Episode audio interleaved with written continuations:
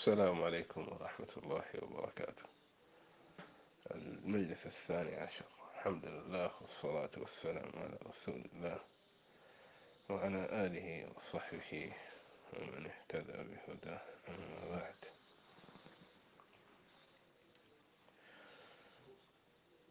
سنتحدث اليوم عن بعض المصطلحات مثل مصطلح العزيز ومصطلح المشهور. ومصطلح الحسن. العزيز هو الخبر الذي في أقل طبقة من طبقات السند اثنان وهو مصنف من الأخبار الآحادية بحسب كتب المصطلح المتأخرة. وكما شرحنا لكم آنفا أن هذا لا يسمى آحاديا أو خبر واحد في مصطلح من تقدم. سمي عزيز من باب عزز ومنهم من قال عزيز ثلاث وأما من يقول عزيز اثنين عن اثنين عن اثنين هذا غلط أصلا ما في حديث اثنين عن اثنين عن اثنين. يكون أربعة عن خمسة عن ستة يكون ستة عن خمسة عن اثنين هكذا. لكن أقل طبقة من طبقات السند والتي هي في العادة تكون طبقة الصحابة الكرام يكون فيها اثنين. أقل طبقة يكون فيها اثنان. هل هذا المصطلح مستخدم عند المتقدمين في الواقع؟ لا. وهذا من غرائب بعض كتب المصطلح المتأخرة أنها تدرس في مصطلحات يعني موجود في كلام ابن حبان وغيره. وإنما يطلقون عزيز على الندرة. يقولون فلان حديثه عزيز. أي أنه كان قليل ما يحدث. وهذا أحيانا يكون داعي للورع من داعيه الورع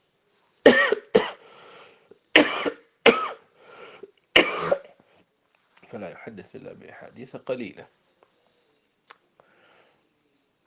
وهذا من من الدلائل الوثاقة. أنك تجد الرواة منهم من يروي أحاديث عديدة ومنهم من لا يروي إلا القليل. والذي لا يروي إلا القليل يعني أحيانا يكون بعضهم عنده ثلاث أربعة أحاديث عن عن أبيه عن جده وهكذا يرويها فقط.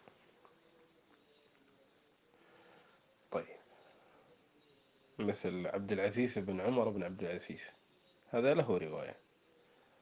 هذا له رواية وهو كان من الصالحين رحمة الله عليه ولكن روايته قليلة. ومنهم من يكون توفي مبكرا فعزت عنه الرواية. طيب. المصطلح الذي يليها المشهور وهو الذي يكون يعني أقل رواة ثلاثة وإذا زادوا عن ثلاثة يقول أقل مشهور مستفيض وهذا أيضا مصطلح غير معروف عند المتقدمين. ولكنه يذكر في كتب المصطلح المعروف عند كتب المتقدمين يقول هذا حديث مشهور يعني روي من طرق كثيرة. قد يكون يعنون حتى متواتر. وهناك كتاب اسمه الأباطيل والمناكير والصحاح المشاهير للجوزقاني كان يورد الأحاديث المنكرة ثم يورد ما يخالفها من الأحاديث الصحيحة. وهو كتاب متألق في الحقيقة. هو رجل من أهل القرن الخامس الهجري يعني 400 وشوي. ويسمى الحديث مشهورا نسبيا يعني يقول هذا حديث مشهور يعني مشهور عند الفقهاء مشهور بين أهل العلم وهكذا. كعامة مثلا حديث الصحيحين مثل حديث تجد يفتي به كل الفقهاء هذا مشهور. وإن كان يرويه أبو هريرة مثلا فقط. أو يكون اعترض بإجماع فتاوى الصحابة فتاوى التابعين إلى آخره استدل عليه حتى بالقرآن مثلا. طيب. المهم الآن حقيقة المصطلح المهم مصطلح الحديث الحسن. ما معنى الحديث الحسن؟ بعض الناس يعرفه بأنه قنطرة بين الصحيح والضعيف. يعني حديث انفرد به راو آه، عدل ضابط ولكن ضبطه أخف من الضبط الكامل لأنه تعلمنا أن الضباط ليسوا طبقة واحدة منهم من هو ضابط لم يعثر عليه على خطأ أو عثر عليه على خطأ في ضمن صواب كثير ولكن هناك من هو متوسط من هو عثر عليه في بعض الوهم في مجموع أحاديث محتمل. طبعا والشروط الأخرى اتصال السند السلام من الشذوذ والعلة كلها متوفرة. طيب يقول لي شخص أنت قلت أن التفردات تستنكر أحيانا من الصدوق. قلت لك أحيانا وليست دائما. فهذا الصدوق إذا روى آه، شيء تفرد بشيء ليس عن شيخ مكثر يصعب التفرد عنه ولم يكن الحديث مخالفا لأصول الشريعة العامة وإلى آخره فإنه يقبل ويقال حديث حسن. بعض الناس يعرفون هذا. هل حسن بهذا المصطلح موجود في كلام المتقدمين؟ في الواقع بهذا المصطلح الذي ذكرته قبل قليل نادر بل يطلقون كلمة حسن على إطلاقين غريبين. أحيانا يطلق حسن على أنه صحيح يقولون فلان ثقة حسن الحديث يعني حديثه حسنة. وأحيانا يقولون حسن يريدون أنه غريب. يعني حسن قيل لشعبة هلا تروي عن فلان وحديث حسان؟ قال من حسنها فررت. يريدون أنه حسن آه، من باب يعني أنه مخالف من باب أنه غريب يعني. فمن غرابته يستحسن في النظر. لكنه وهم متأكدين أنه وهم. وقد ورد عن الإمام مالك ما يدل على أنه استخدم هذا بهذا الأصطلاح. فحدث فحدث فكان مالك جالسا فسألوه عن تخليل الأصابع فقال لا أعلم فيه حديثا في الوضوء. فجاء عبد الله بن وهب فقال له أنت أفتيت بأمر هو عندنا سنة. ابن وهب تلميذ مالك وكان مصريا وهو نشر مذهب مالك في مصر. عبد الله بن وهب وله كتب مطبوعة إلى اليوم له التفسير مطبوع الموطأ مطبوع مسنده مطبوع. فقال لمالك أنت أفتيت بأمر هو عندنا سنة قال مالك وما ذاك؟ فحدثه بحديث عن النبي صلى الله عليه وسلم أنه كان يخذ أصابعه بالإسناد فقال مالك هذا حديث حسن. ولكن هل مالك أراد الحسن بهذا المعنى أم أراد معنى آخر؟ أم أراد أنه حسن من باب أنه يعني حسن المثل لطيف؟ هذا شيء. أيوة.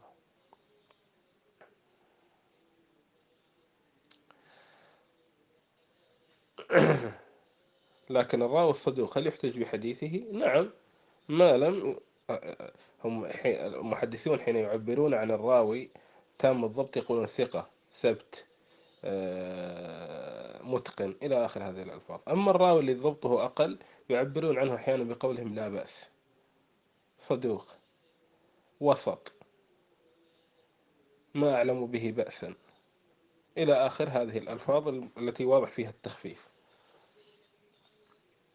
وهناك أيضا صورة من صور الحسن أن يكون عندنا راو في طبقة التابعين أواسطهم أو كبارهم. ولا نعلم فيه تعديلا صريحا ولكننا وجدنا حديثه ولم نجد أحدا يجرحه وروى عنه جمع من الثقات. وجدنا يوثقه من يوثق المجاهل في العادة كابن حبان ثم وجدنا أن حديثه لا يخالف الشريعة العامة بل ماشي مع أصول الشريعة. قال الذهبي أن مثل هذا يحسن حديثه. وهذا محل نقاش الله أعلم. طيب. وهل هناك معنى آخر الحسن؟ نعم هناك معنى آخر الحسن. الذي يسمونه الحسن. طيب وصدوق تابعه صدوق يسميه المتأخرون صحيح لغيره. طبعا هذا المصطلح غير موجود في كلام المتقدمين طيب طيب. هناك إطلاق ثاني للحسن. طيب هناك إطلاق الحسن يتعلق براوي ذكرته أن يكون راوي مجهول ولكنه في طبقة متقدمة روى عنه جمع من الثقات لم يروي حديثا مستنكرا لم يضعفه أحد. إلى آخر هذا يقبل حديثه. طيب هذا نبه عليه الذهبي وهذا محل نساع ولكن. طيب هل هناك إطلاق ثاني للحسن؟ نعم.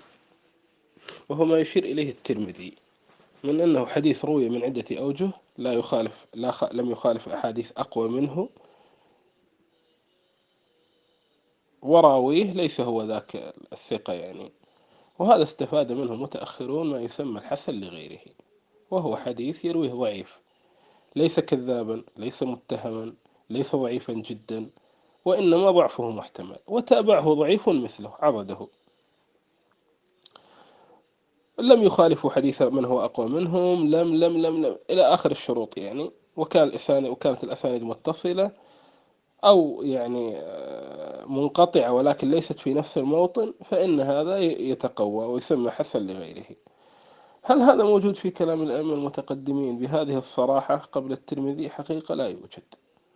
حتى قول أحمد أحاديث الحاجم والمحجوم ولا نكاح إلا بولي يشد بعضها بعضا فأحمد يريد أنها صحيحة قائمة بذاتها وتشد بعضها بعضا يرد على طريقة أهل الرأي الذين قالوا هذا خبر واحد. ولكن الإمام الشافعي هنا أشار إشارة رحمة الله عليه. فقال رحمه الله في الرسالة حين, يتكلم حين تكلم عن الحديث المرسل.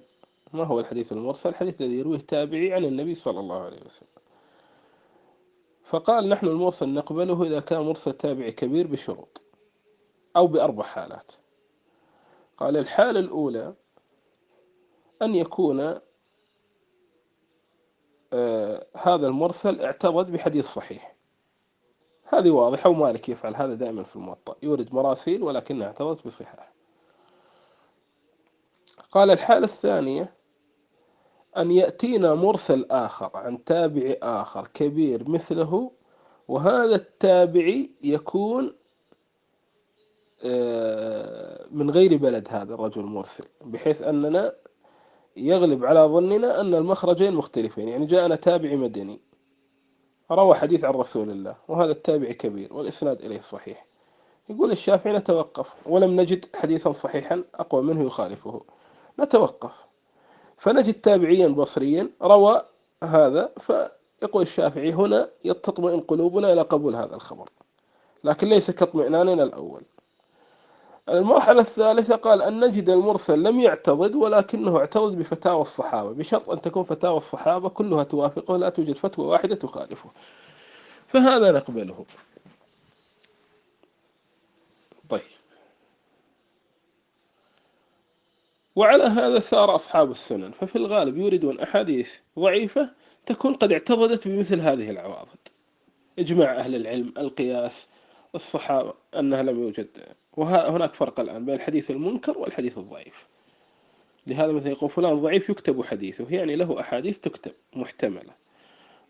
تابعوا عليها ثقات اعترضت بهذه الأمور المهم لم تخالف. وهناك أحاديث يقول لا يكتب فلان لا يكتب حديث يعني كلها بواطيل لا يوجد فيها استنكار متني ولا استنكار سندي مثل أنه ينفرد بغرائب عن أئمة لا يعرف, لا يعرف أصحابهم هذه الأحاديث. طيب.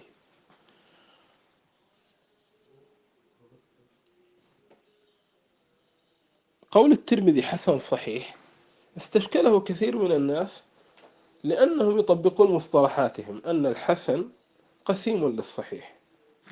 يعني هو الحديث قسمان صحيح وحسن وضعيف. ثلاث أقسام عفوا. ولكن الترمذي الحسن عنده ليس قسيما للصحيح.